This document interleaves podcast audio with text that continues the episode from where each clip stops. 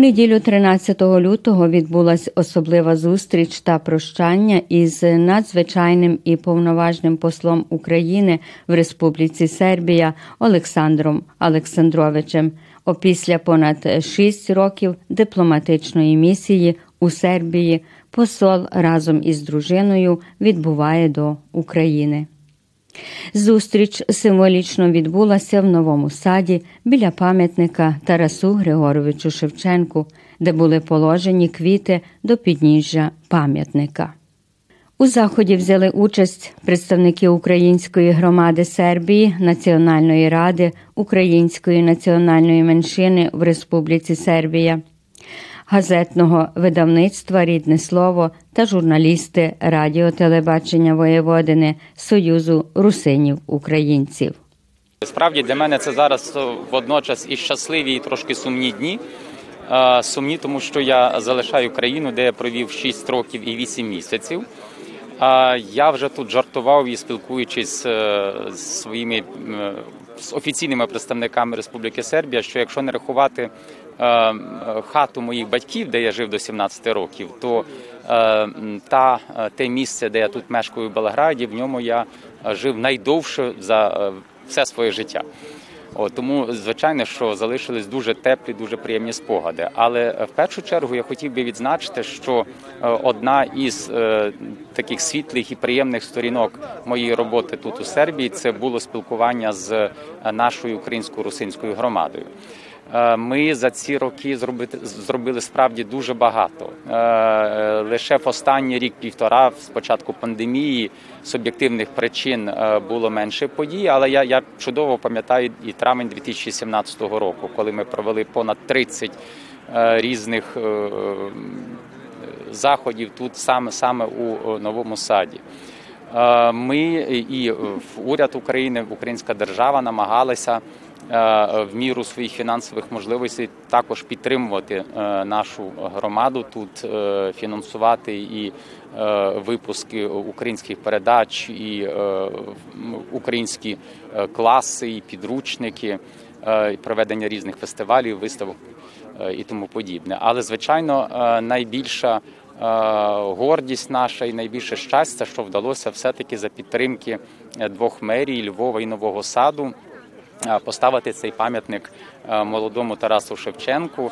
Е, це місце справді стало тим магнітом, який притягує до себе ем, нашу громаду, і я дуже радий, що ви збираєтесь тут і з посольством, і і самі. Це дуже правильно, це це прекрасно. А що стосується співпраці з посольством, то звичайно з від'їздом цього посла приїде новий посол. Можу одразу сказати, що дуже швидко, буквально вже на початку березня, буде новий посол. І я переконаний, що він так само буде радий і е, тісно з вами спілкуватися.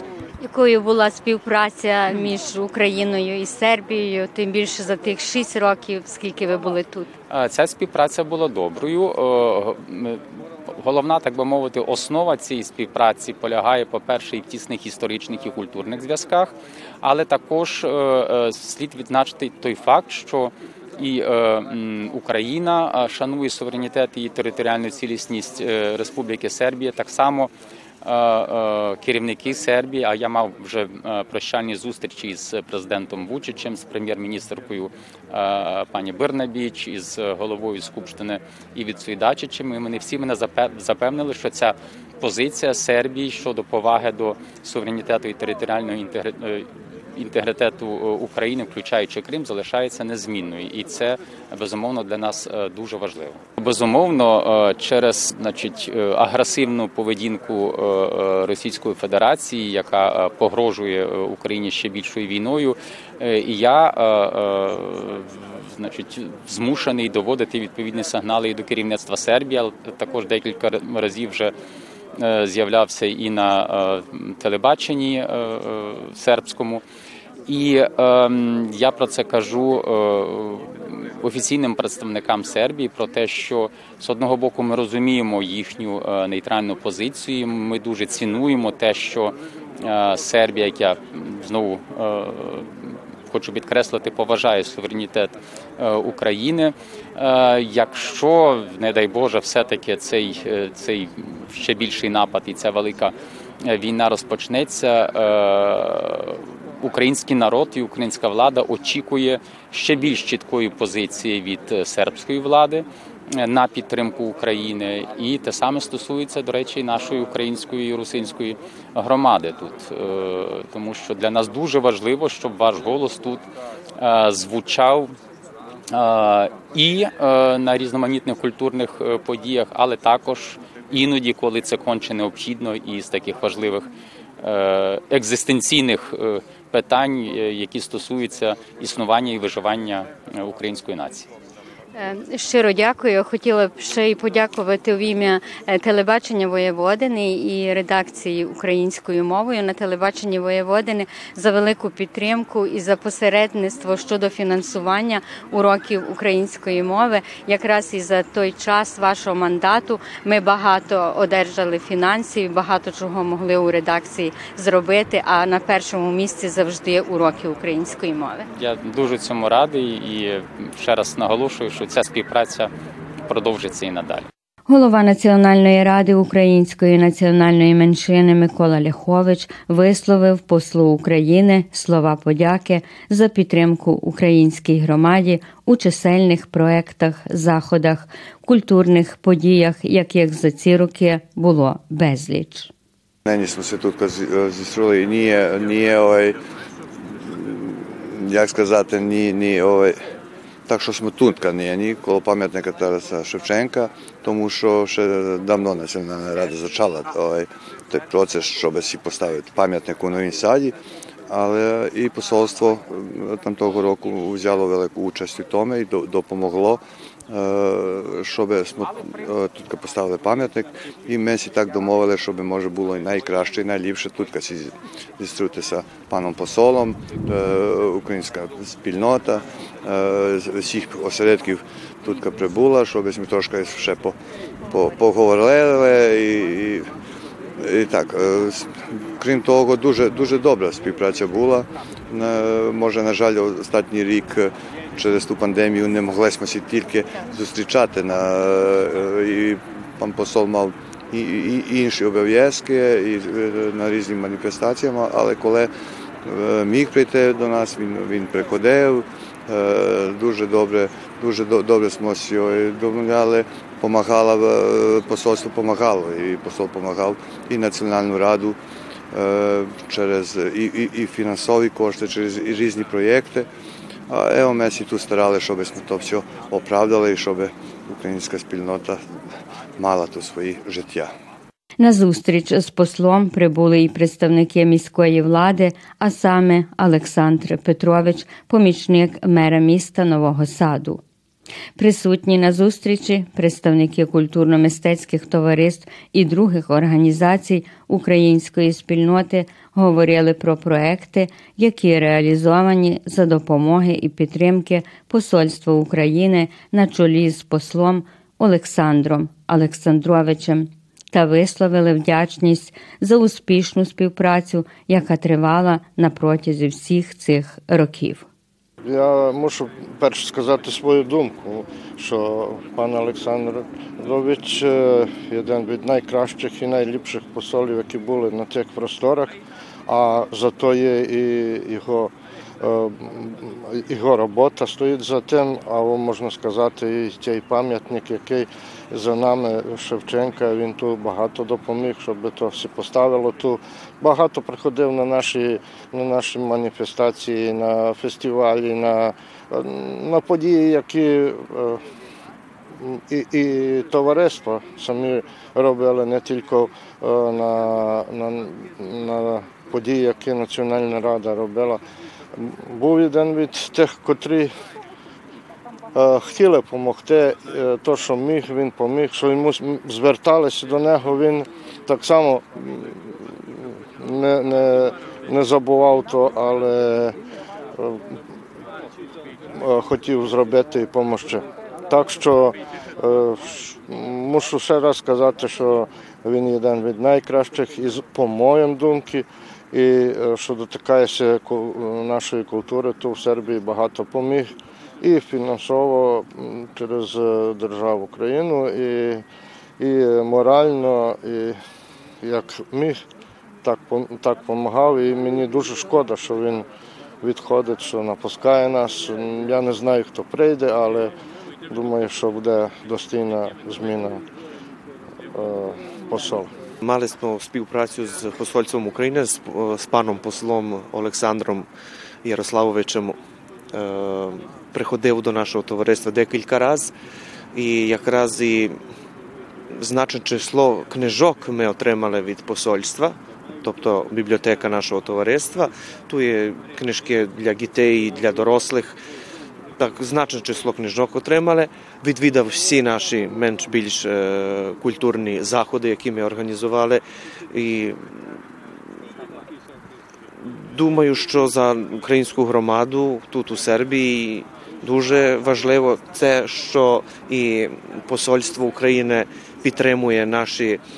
Нашу працю, наші діла, і що ми просто мали таку співпрацю і можливість співпрацювати і робити на добро українського народу. Я можу сказати, що наша співпраця була дуже дуже добра. В чим є справа? Відколи посол прийшов, він відразу після пару місяців приїхав до Індії.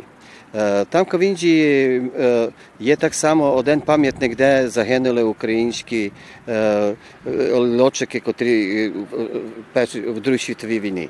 Так що ми тоді пізналися, почали співпрацю, і хочу сказати, що кожен раз, як ми в Індії робили дні української культури чи якісь маніфестації, котрі були посол, завжди приходив. Кожного року приходив, ми клали там вінки на, на, на пам'ятники і так далі. Хочу сказати так само, що відколи наш посол прийшов, počala duže dobra spiv praća s kulturnom mesečkim tovarestvom. Ranče to ti posole i, i male, iako ovoj sluhuće ne male, ali hoću ka zato što e, posolje ovaj, o, Aleksandar duže malo dobro osluhu dla nas. Приходив до нас, питав, ovaj, що нам потрібно. Ми мали якісь конкурси, котрі діставали якісь гроші, чи за радіо, чи за теле, чи за якісь книжки. ja я робив якийсь конкурс і дістав гроші, щоб друкувати книжку «Історія України» і istorije tragovi Ukrajinaca e, u Sremu i u Srbiji. Tutka je duže dobro spiv praća naših Ukrajinci kot ti prehodele tutka u, u Sremki Karlovcah, gde maljovale ovaj, e, freske i tak dalje, što u, u, po monastarah i, i tak dalje. Me duže male dobro ovaj, e, spiv praći s posojstvom i hoću se razim podjakovati všim думаю, što te, teper to je posojstvo prede, što tak samo bude mate sluhu do nas. Član sam Ukrajinske zajednice u Republici Srbiji i došao sam da odam čast ukrajinskom ambasadoru koji je završio svoju, da kažemo, ovdašnju političku karijeru i odlazi na neko drugo mesto, odnosno na drugu političku službu i u ime svih Ukrajinaca, odnosno moje lično ime, bi mu se zahvalio na jačanju prevashodno srpsko-ukrajinskih veza i doprinos njegov je u tome što imamo ovaj predivan spomenik Baćku, našem Baćku Ševčenku, Tarasu, i pre njega je bio, da kažemo, uticajan taj kulturni aspekt između Ukrajinaca i Srba, u Srbiji naravno, ali kada je gospodin Aleksandar došao i kada je počeo da radi na još jačem, jačanju veze između Srba i Ukrajinaca, imamo rezultat jačanje tih srpsko-ukrajinskih veza, podizanje spomenika, i ja se nadam da će te veze uh, biti još jače i još češće. Pošto potičem iz uh, porodice gde je otac uh, Ukrajinac, a majka Srpkinja, imao sam, da kažem, tu sreću da uzmem iz obe, iz obe kulture sve najbolje. U vezi slike koje, koju sam predao kao poklon, pošto sam inače po struci sociolog, a u slobodno vreme sam umetnik, što bi rekli Ukrajinci, hudožnik, slika je nastala kao jedan projekat odavanja počasti ukrajinskoj državnosti i naciji i sama, sama slika je u stvari podeljena na nekoliko aspekta. Na aspekt državnosti kroz vekove, s tim da je ta tematika bila usresređena uglavnom na simbole Ukrajine. Trizub, Haličinski lav, arhistratik Mihajl, zatim Kalenu, nacionalni simbol Ukrajine i naravno na vinok koji predstavlja u stvari srž ukrajinskog identiteta, naime žen, žena, žena Ukrajine i u stvari kroz taj vinok vidi se i tih pet stupnjeva ukrajinske državnosti. Kijevska Rus, znači Sič, Kozačka Sič, zatim UNR, znači državnost koja je postojala od 1918. do 1921. godine, završena je nažalost bolševičkom okupacijom, pa je tek povraćeno 1991. godine i između toga je bio pokušaj državnosti Ukrajine, Karpatska Ukrajina 1939. godina, što u stvari obuhvata tih pet stupnjeva, odnosno pet etapa državnosti Ukrajine. I sam taj poklon je bio, da kažemo, odavanje časti našem ukrajinskom ambasadoru Aleksandru i zahvalnost u stvari za sve što radi ukrajinska država i pomaže ukrajinsku kulturu, українську zajednicu u Srbiji. Серед значних проєктів, реалізованих за допомоги та підтримки Посольства України на чолі з послом Олександром Олександровичем, не можемо не згадати проєкт Уроки української мови на радіотелебаченні Воєводини, які емітуються починаючи з 2015 року по сьогоднішній день. Всі присутні подякували послу України за підтримку українській громаді та побажали успіхів у особистому житті та майбутній професійній діяльності. Gledate paletu. Izbor iz emisija na jezicima nacionalnih zajednica.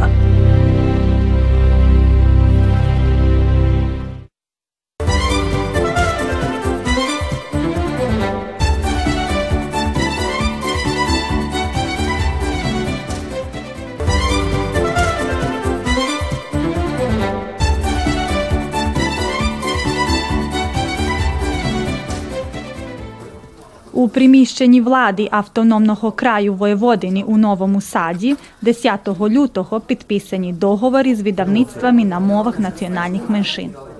Крайовий секретар у справах культури, громадської інформації та зв'язків з релігійними громадами Драгана Мілошевич вручила контракти на співфінансування в 2022 році представникам дев'яти видавництв засновниками яких є Національні ради національних меншин, і які на мовах національних меншин видають 22 газетних видання.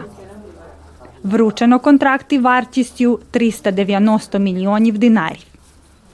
Інформування мовами національних меншин є одним з найважливіших пріоритетів влади Воєводини – сказала Драгана Милошевич, додавши, що за останні чотири роки з моменту, відколи актуальний теперішній мандат, кошти збільшені з 264 мільйони до 390 мільйонів з тенденцією зростання.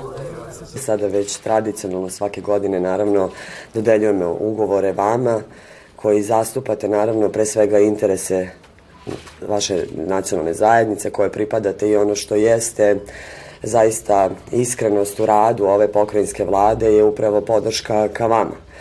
Zašto nam je to važno? Svesni smo svi zajedno činjenice da je važno informisanje naravno u čitavoj našoj državi i, i to je ono što jeste politika i vlade Republike Srbije, ali i samim tim i pokrajinske vlade jeste informisanost naših građana, pre svega u onom delu objektivnosti, istinitosti, što vi zaista svakodnevno marljivo radite i trudite se naravno da to bude zaista onako potpuno objektivno istinito kao, kako što, kao što i zaslužuje svaki građani naravno naše države. Ono što je meni posebno drago da evo danas zaista je čini mi se po prvi put iako smo to godinama unazad sprovodili ne samo deklarativno već zapravo opredeljivanjem budžetskih sredstava ka vama da smo zapravo pratili taj trend povećanja financija koje izdvajamo za, za vašu delatnost, ali sada je zaista drastično taj iznos uvećan i to je ono što čini mi se jeste naš zajednički ponos, odnosno zajedničko zadovoljstvo.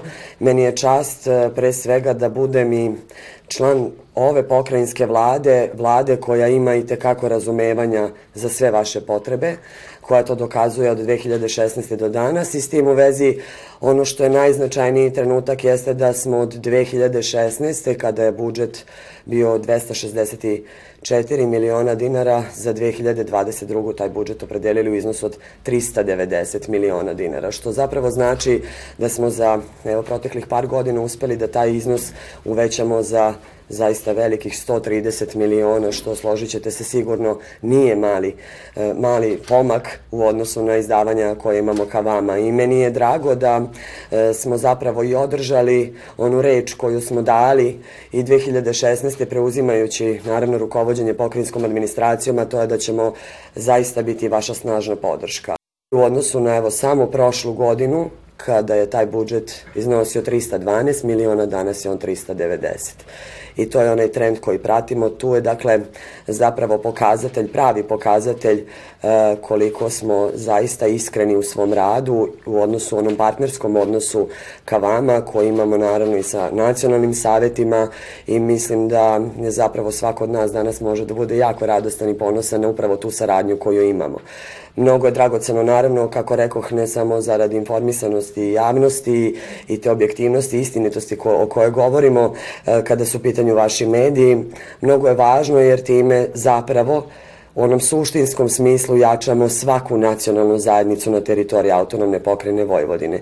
I to jeste obaveza svih nas, zato sprovodimo u delo sve ono što smo i obećali i naravno sa uvek onom rečenicom koju izgovorim kao i svake godine, sledeća godina će i opet biti bolja od one prethodne. I zaista to jeste princip koji poštujemo i naravno to će tako trajno i biti. I želela bih još jednom da vam pre svega i zahvalim i na dosadašnjoj saradnji, zato što ste zaista vi sa druge strane sjajni partneri ove pokrajinske vlade, e, zaista iskreno izveštavate o svemu onome e, što mi radimo sa druge strane i u isto vreme time e, i prikazujete javnosti i građanima gde ide naša pokrajina, gde ide naša država, a to jeste zapravo naša bolja budućnost i zato smo danas ovde da svečano uručimo vama ugovore koji će naravno doprineti tome da se finansijska sredstva realizuju u što skorijem periodu. Договори про співфінансування були підписані з керівниками видавництв, як і на мовах національних меншин видають 22 газетні видання –